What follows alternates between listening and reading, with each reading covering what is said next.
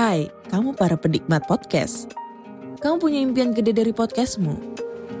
Terus First Story bisa banget bantu kamu. Mulai dari F-Link, Dynamic Audio Insertion, sampai statistik yang komprehensif. Semua ada di First Story. Gak ketinggalan kamu bisa monetisasi podcastmu lewat iklan dari First Story Ads yang bisa kasih kamu penghasilan dari setiap place podcastmu. Yuk gabung sekarang dengan klik di firststory.me. Sekali lagi, klik di firststory.me. Mari kita bawa mimpi podcastingmu menjadi kenyataan. Hello? Hello? Podcast Network Asia. Halo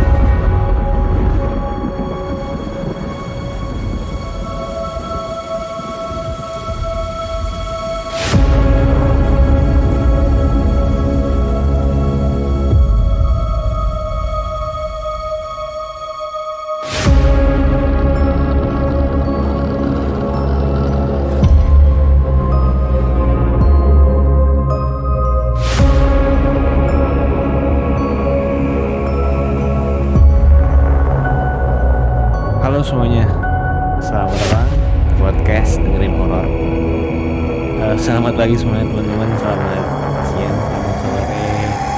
Yang kabarnya teman-teman, semoga baik-baik aja. ya.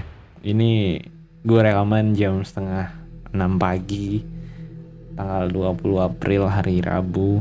Dan tadi malam dini hari itu ada perhelatan bola nih antara MU versus Liverpool kan ya walaupun gua nggak ngikutin ngikutin banget saya sama sepak bola gini ya tapi nggak tahu kenapa kalau misalnya MU main pokoknya kalau ada MU main lah itu apa ya rasa penasaran gue tuh kayak makin naik gitu loh sama MU terus juga eh, apa ya gimana kayak euforianya tuh lebih, tinggi ya gitu.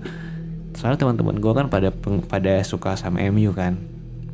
Soalnya gue nggak terlalu suka sama MU tapi seru aja gitu liatin liatin klub mereka main gitu kan dan mereka hari ini kalah gitu lawan Liverpool 4-0 aduh men men. Teh, apa namanya? Eh, di bola tuh sebenarnya yang bikin seru tuh yang pertama tuh emang pertandingannya.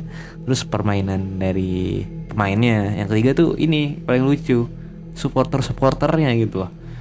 Itu itu yang paling lucu sebenarnya. Aku puncak komedi sebenarnya itu dari penggemar penggemar itu. Karena kalau misalnya tadi yang 4-0 gitu kan ada yang komen gitu di live chat gitu kan. Kayak gini gue denger denger kabarnya MU tahun depan mau jadi grup pecinta musang ya? Maksud gue men ya lu pikir aja gitu grup bola sebesar MU tuh nggak mungkin lah jadi pecinta musang gitu lah. Ya paling paling minim ya pindah ke Liga 1 gitu kan kayak ya udahlah nggak nggak nggak. Sini kayak udah jadi olok-olokan bersama gitu loh grup MU kalau lagi main gitu kan. Entah itu pemainnya eh, tahu Maguire. Maguire itu adalah back puncak komedi itu sih sebenarnya.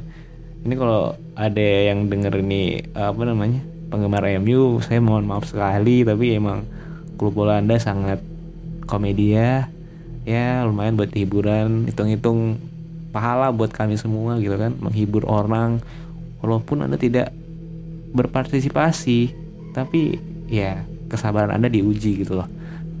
Menjadi holokan dari pencinta grup bola yang lain gitu kan. Aduh tadi sebenarnya gue mau rekaman jam 4 gitu loh. Ya ya hitung-hitung respect sama hasil skor malam ini kan 4-0 soalnya tapi ya udahlah gue akhirnya jam setengah enam pagi aja rekamannya karena gue nggak respect.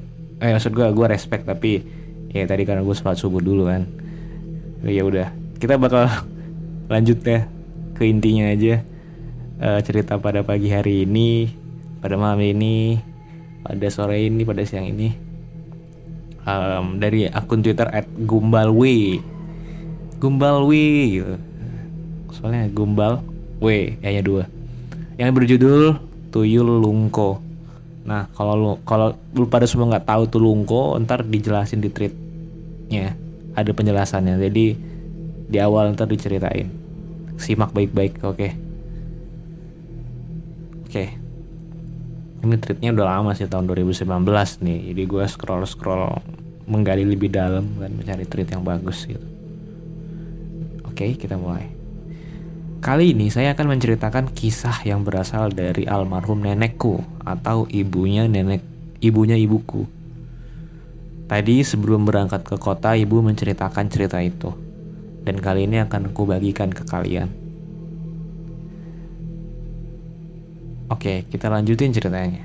Kronologinya, dari semalam aku cerita tentang cerita hantu-hantu tuh sama ngeteh bareng bapak, ibu pas hujan deras Terus banyak banget sebenarnya cerita serem. Bahkan bapak ibuku juga pernah mengalaminya. Kejadian supranatural. Tapi kapan-kapan aku ceritain. Jadi langsung ke cerita yang bakal aku ceritain ini ya. Jadi, dari zaman dahulu itu, orang piara tuyul. Dan itu sudah biasa, gengs. Dan bisa tebak gak apa yang dilakukan tuyul-tuyul tadi?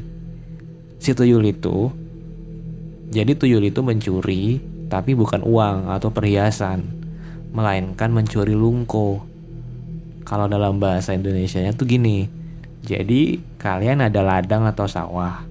Nah, itu setelah dicangkul atau dibajak, pasti ada tanah yang menggumpalkan. Ya, itu namanya lungko. Nah, tuyul itu mencuri lungko, kemudian ditaruh di tanah tuannya. Jika udah siap, baru ditanami sama tuannya.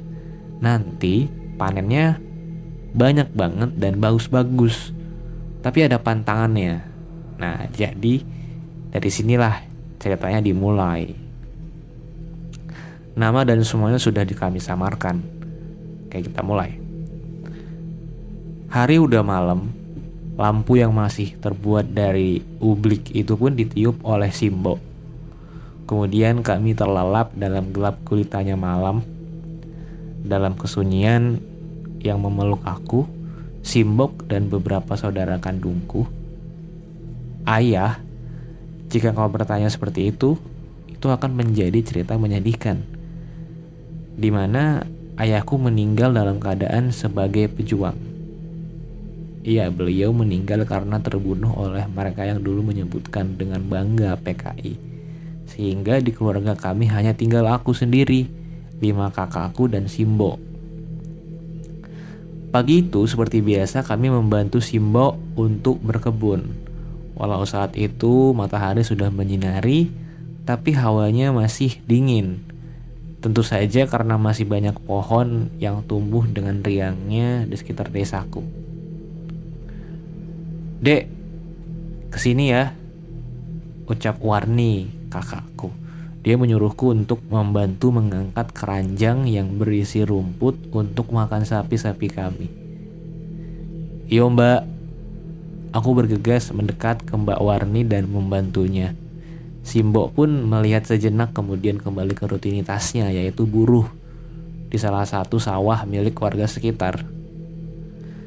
Aku melihat si Mbok yang saat itu sedang beristirahat dengan teman-temannya yang saat itu buru juga, aku pun mendekat dan ikut nimbrung dan juga ikut makan tiwul atau nasi yang terbuat dari singkong dan sayuran yang hanya terbuat dari santan dan cabai yang nggak dipotong. Duh, yu, saiki usumane tuyulungko ucap salah seorang teman Simbo sambil mengipas-ngipaskan capilnya. Iyo, aku ya krungu teko wong-wong. Carene akeh sing ne ilang. Iya, aku yang mendengar dari orang-orang juga katanya banyak yang lungkonya hilang. Jawab Simpo. Guhno, sopo yo pelakunya yu? Sebenarnya siapa ya pelakunya? Aku dewe yo ora ruh bu. Tapi sing pasti yo bedo deso. Gak mungkin lah lepoto deso prayo konangan aku sendiri ya nggak tahu mbak. Tapi yang pasti ya beda desa. Gak mungkin lah kalau sedesa ketahuan nanti. Iya dari panen kan, dari panenan kan, ucap Limbu. Teman buruh Simbu. Teman buruhnya Simbo namanya Limbu. Kemudian mereka kembali melanjutkan aktivitas agar bisa cepat-cepat untuk pulang. Sebelum pulang pun kami mandi di sumber air di mana terletak di jalan kami pulang. Aku, Simbok, dan kakakku pun mandi di sana masih banyak juga orang yang mandi bahkan antri, ada juga yang masih sibuk di sawah. Singkat cerita, kami pun sudah selesai dan pulang ke rumah, di mana Simbok membawa ranjang dengan penuh rumput, sedangkan aku dan Warni kakakku membawa rantang wadah makanan. Kami pun tiba dan langsung menaruh semua di teras yang berlantaikan tanah. Kami masuk ke rumah dan disambut oleh kakak-kakakku yang dari tadi menunggu kami. Ada juga yang sepertinya baru pulang dari sekolah. Kami pun berkumpul, makan bersama dan melakukan kegiatan seperti mendongeng. Tapi kali ini yang, di, yang, yang didongengkan Simbok mengenai hantu dan jin yang ada di tanah Jawa. Mendengar beberapa kalimat dari Simbok aja udah membuatku takut untuk tidur sendirian. Setelah dirasa hari sudah mulai larut malam, kami pun tidur bersama. Jadi satu, tidur bareng. Aduh, kebelet pipis batinku. Yang saat itu udah kebelet. Karena malam itu sangat gelap, aku tidak bisa melihat apa-apa. Aku hanya meraba-raba dan merasakan wajah Simbo di tanganku. Aku bangunkan pelan-pelan. Bo, Simbo. Tuturku pelan. Tiba-tiba aku merasakan si Mbok bangun dan menuntunku dalam keadaan gelap gulita. Kemudian setelah, setelah aku rasa sudah sampai dapur, baru si Mbok menghidupkan ublik atau lampu zaman dulu. Wajahnya begitu menakutkan karena terkena sorot ublik yang berwarna orange keemasan itu. Akan tetapi itu masih mbokku. Kulihat kakinya masih menapak. Aku kebelet pipis di antaranya aku keluar rumah, tepatnya lewat pintu belakang. Orang zaman dahulu itu tidak punya kamar mandi. Jadi WC dan kamar mandi itu terletak kurang lebih 20 meter dari rumah, terpisah dan lebih seramnya lagi kamar mandinya itu berada di belakang. Di bawah, jadi harus turun melewati jalan setapak yang kanan kirinya hanya pohon bambu aja sedangkan di depan kamar mandiku itu baru sawah dan ladang. Saat itu hanya sinar dari ublik saja yang menerangi tiap langkah kami menuju kamar mandi yang hanya disekati papan kayu. Aku pun sampai dan pipis di sana. Simbo menunggu di luar. Sesekali aku melihat wajah Simboku, dia terus menatapku dan kadang tersenyum. Aku pun tersenyum karena hanya dia yang aku punya sekarang. Bo, Wes, Bo udah, kataku kemudian aku berdiri dan menyiram bekas pipisku. Entah ada angin apa, aku melihat dari sebelah, dari celah-celah papan kayu yang bolong, aku melihat lima anak kecil sekaligus sedang bermain di sawah. Lima anak kecil dengan kulit putih dan gundul. Saat itu kulihat dengan jelas karena ada cahaya langsung dari bulan menyinari area itu. Ada yang bermain kepiting kecil yang biasa aku temukan di kali saat ikut mancing dengan kakakku. Ada yang menari, gak jelas. Ada juga yang lempar-lemparan yang aku gak tahu mereka sedang melempar apa. Saat itu kukira mereka hanya bocah yang sedang bermain. Kemudian aku menghiraukannya dan memanggil Simbok. Tapi anehnya, Simbok tidak menjawab. Aku pun mencoba memberanikan diri untuk menengok keluar. Ternyata Simbo menghilang. Hanya menyisakan ublik yang diam rapi di atas batu yang biasanya aku buat sebagai meja buat masak-masakan. Aku yang saat itu mulai ketakutan dan tidak berani keluar dari kamar mandi, tidak berani untuk melanjutkan perjalanan kembali ke rumah karena gelap dan suara deritan bambu membuatku semakin takut. Kulihat lagi dari celah papan dan lima anak itu pun sudah menghilang. Cukup lama aku diam di kamar mandi berharap si Mbok kembali dan membawaku pulang. Tapi semuanya sia-sia. Suasana semakin sunyi, deritan bambu terdengar. Seperti jeritan bagiku, aku memberanikan diri untuk melangkah keluar, ku ublik itu dan ku berjalan pulang. Tapi langkah kakiku semakin berat dibarengi dengan suara-suara tertawa yang aku tidak tahu dari mana hingga secara tiba-tiba muncul lima bocah tadi yang kulihat di sawah. Matanya hitam bulat besar, memiliki kuping yang panjang, dan satunya lagi sedang berpegang erat pada kakiku.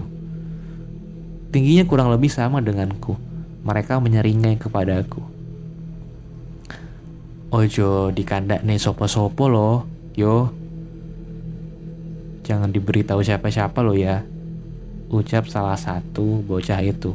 Kemudian mereka semua membuka lebar-lebar mulut ya, hingga muncul seperti rambut dan kepiting. Satu lagi mencakar tanganku. Aku yang saat itu refleks langsung menangis dan berteriak sekencang-kencangnya. Hingga warga pun ke lokasi dan membunyikan titir atau kentongan dari bambu yang diketuk keras berkali-kali. Setelah bunyi-bunyi itu, kelima makhluk itu menghilang menjadi asap putih. Dan tak berapa lama banyak warga yang mendatangiku dan menenangkanku. Bahkan dari banyaknya warga, aku melihat simbokku yang tiba-tiba memelukku dan menangis. Napo iso bayai Eh sorry. Maksudnya gue gak bisa bahasa Jawa.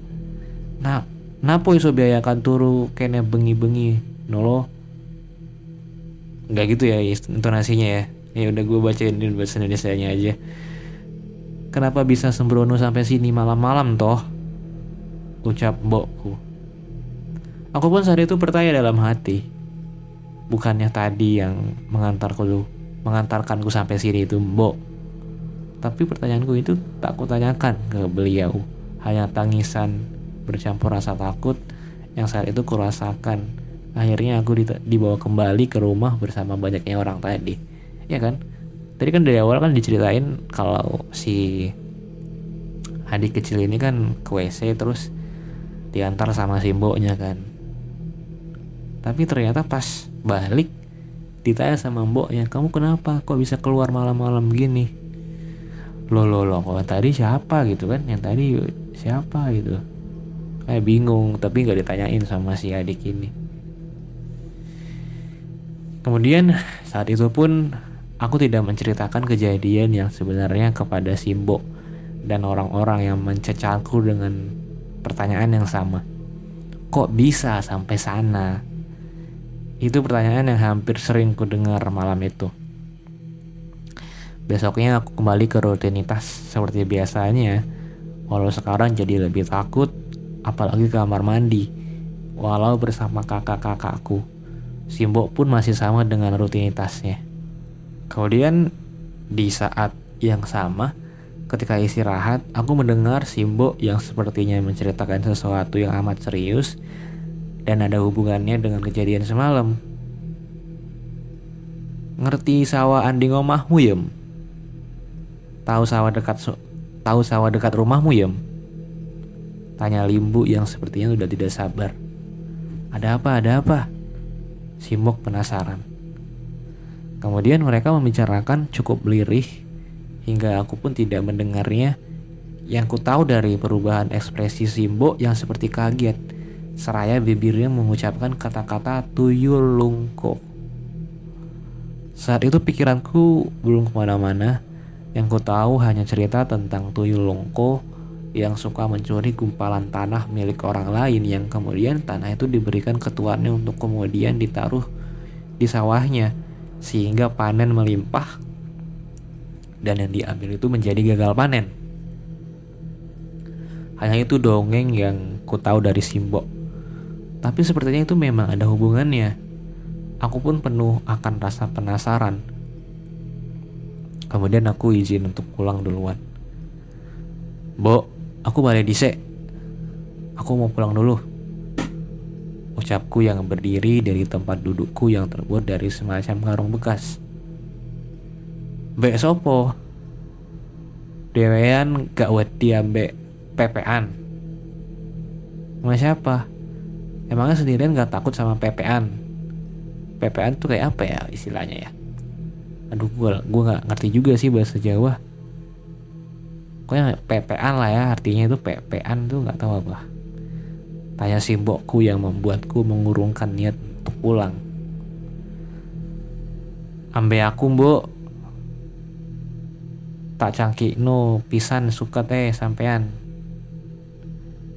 sama aku mbok aku bawain sekalian rumputnya sahut Warni yang kemudian kami berdua pulang duluan menuju rumah. Warni ini ininya ya, kakaknya, kakaknya si adik ini.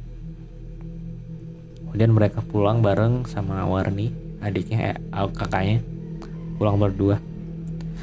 Dan alasanku sebenarnya adalah untuk melihat ada apa di sawah milik Bu De Ram yang terkenal baik itu. Singkat cerita, aku dan Mbak Warni sudah sampai rumah. Saat itu rumah sepi karena beberapa saudara kami ada yang di sekolah rakyat, ada yang berladang juga, sehingga menyisakan Warni yang saat itu langsung menghidupkan api dari kayu ditunggu sederhana, sedangkan aku memberanikan diri untuk menuju ke tempat di mana aku semalam menangis ketakutan. Bahkan bekas cakarannya pun masih ada siang itu. Perlahan aku berjalan menyusuri jalan setapak. Suasana siang saat itu memang 180 derajat berbeda. Sangat damai dan asri. Akan tetapi ada beberapa orang di sana. Ramai bahkan sedang melihat sawah yang semalam kulihat begitu asri tiba-tiba tandus sama seperti sama seperti gambaran gurun milik Mak Tukijan yang pernah diberitahukan ke aku tempo hari. Kulihat beberapa orang itu membawa kapur putih dan mulai menandai lungko-lungko yang mulai mengering. Aku tidak tahu apa maksudnya, tetapi itu pasti ada hubungannya juga dan saling terkait satu dengan satu yang lainnya. Saling terkait dengan satu dengan yang lainnya. Malam itu aku benar-benar tidak berani lagi untuk ke kamar mandi yang letaknya jauh dari rumah. Walaupun ditemani pun aku takut. Kulonun, permisi. Suara dari balik pintu yang terbuat dari kayu jati asli ini. Monggo, melepet. Silakan masuk, jawab Simbo. Mempersilahkan Bu Deram masuk ke rumah. Suara gamelan Jawa lirih dari radio peninggalan bapak terdengar. Aku yang saat itu mainan dengan saudaraku di lantai yang terbuat dari tumpukan batu bata merah mendengar percakapan Bu Deram dengan Simbo. Sopo yang tego mateni sawahku yo? Siapa yang tega merusak sawahku ya? Tanya Bu Deram. Behyu ngapunten aku yo ora weruh posisiku wes bengi kek aku yo wes turu waduh yo maaf aku ya nggak tahu posisi udah malam dan aku udah tidur entah ada perasaan apa tiba-tiba aku menyelap pembicaraan mereka tuyulungko ucapku kemudian direspon ekspresi kaget Bu Deram dan juga Simbo Kayak omong apa lo kowe ki? Bilang apa kamu itu? Tanya Simbo sambil tersenyum. Kecut. Tersenyum kecut. Kemudian aku pun menghampiri Simbo dan duduk di pangkuannya. Aku menceritakan semua kejadian yang aku alami malam itu.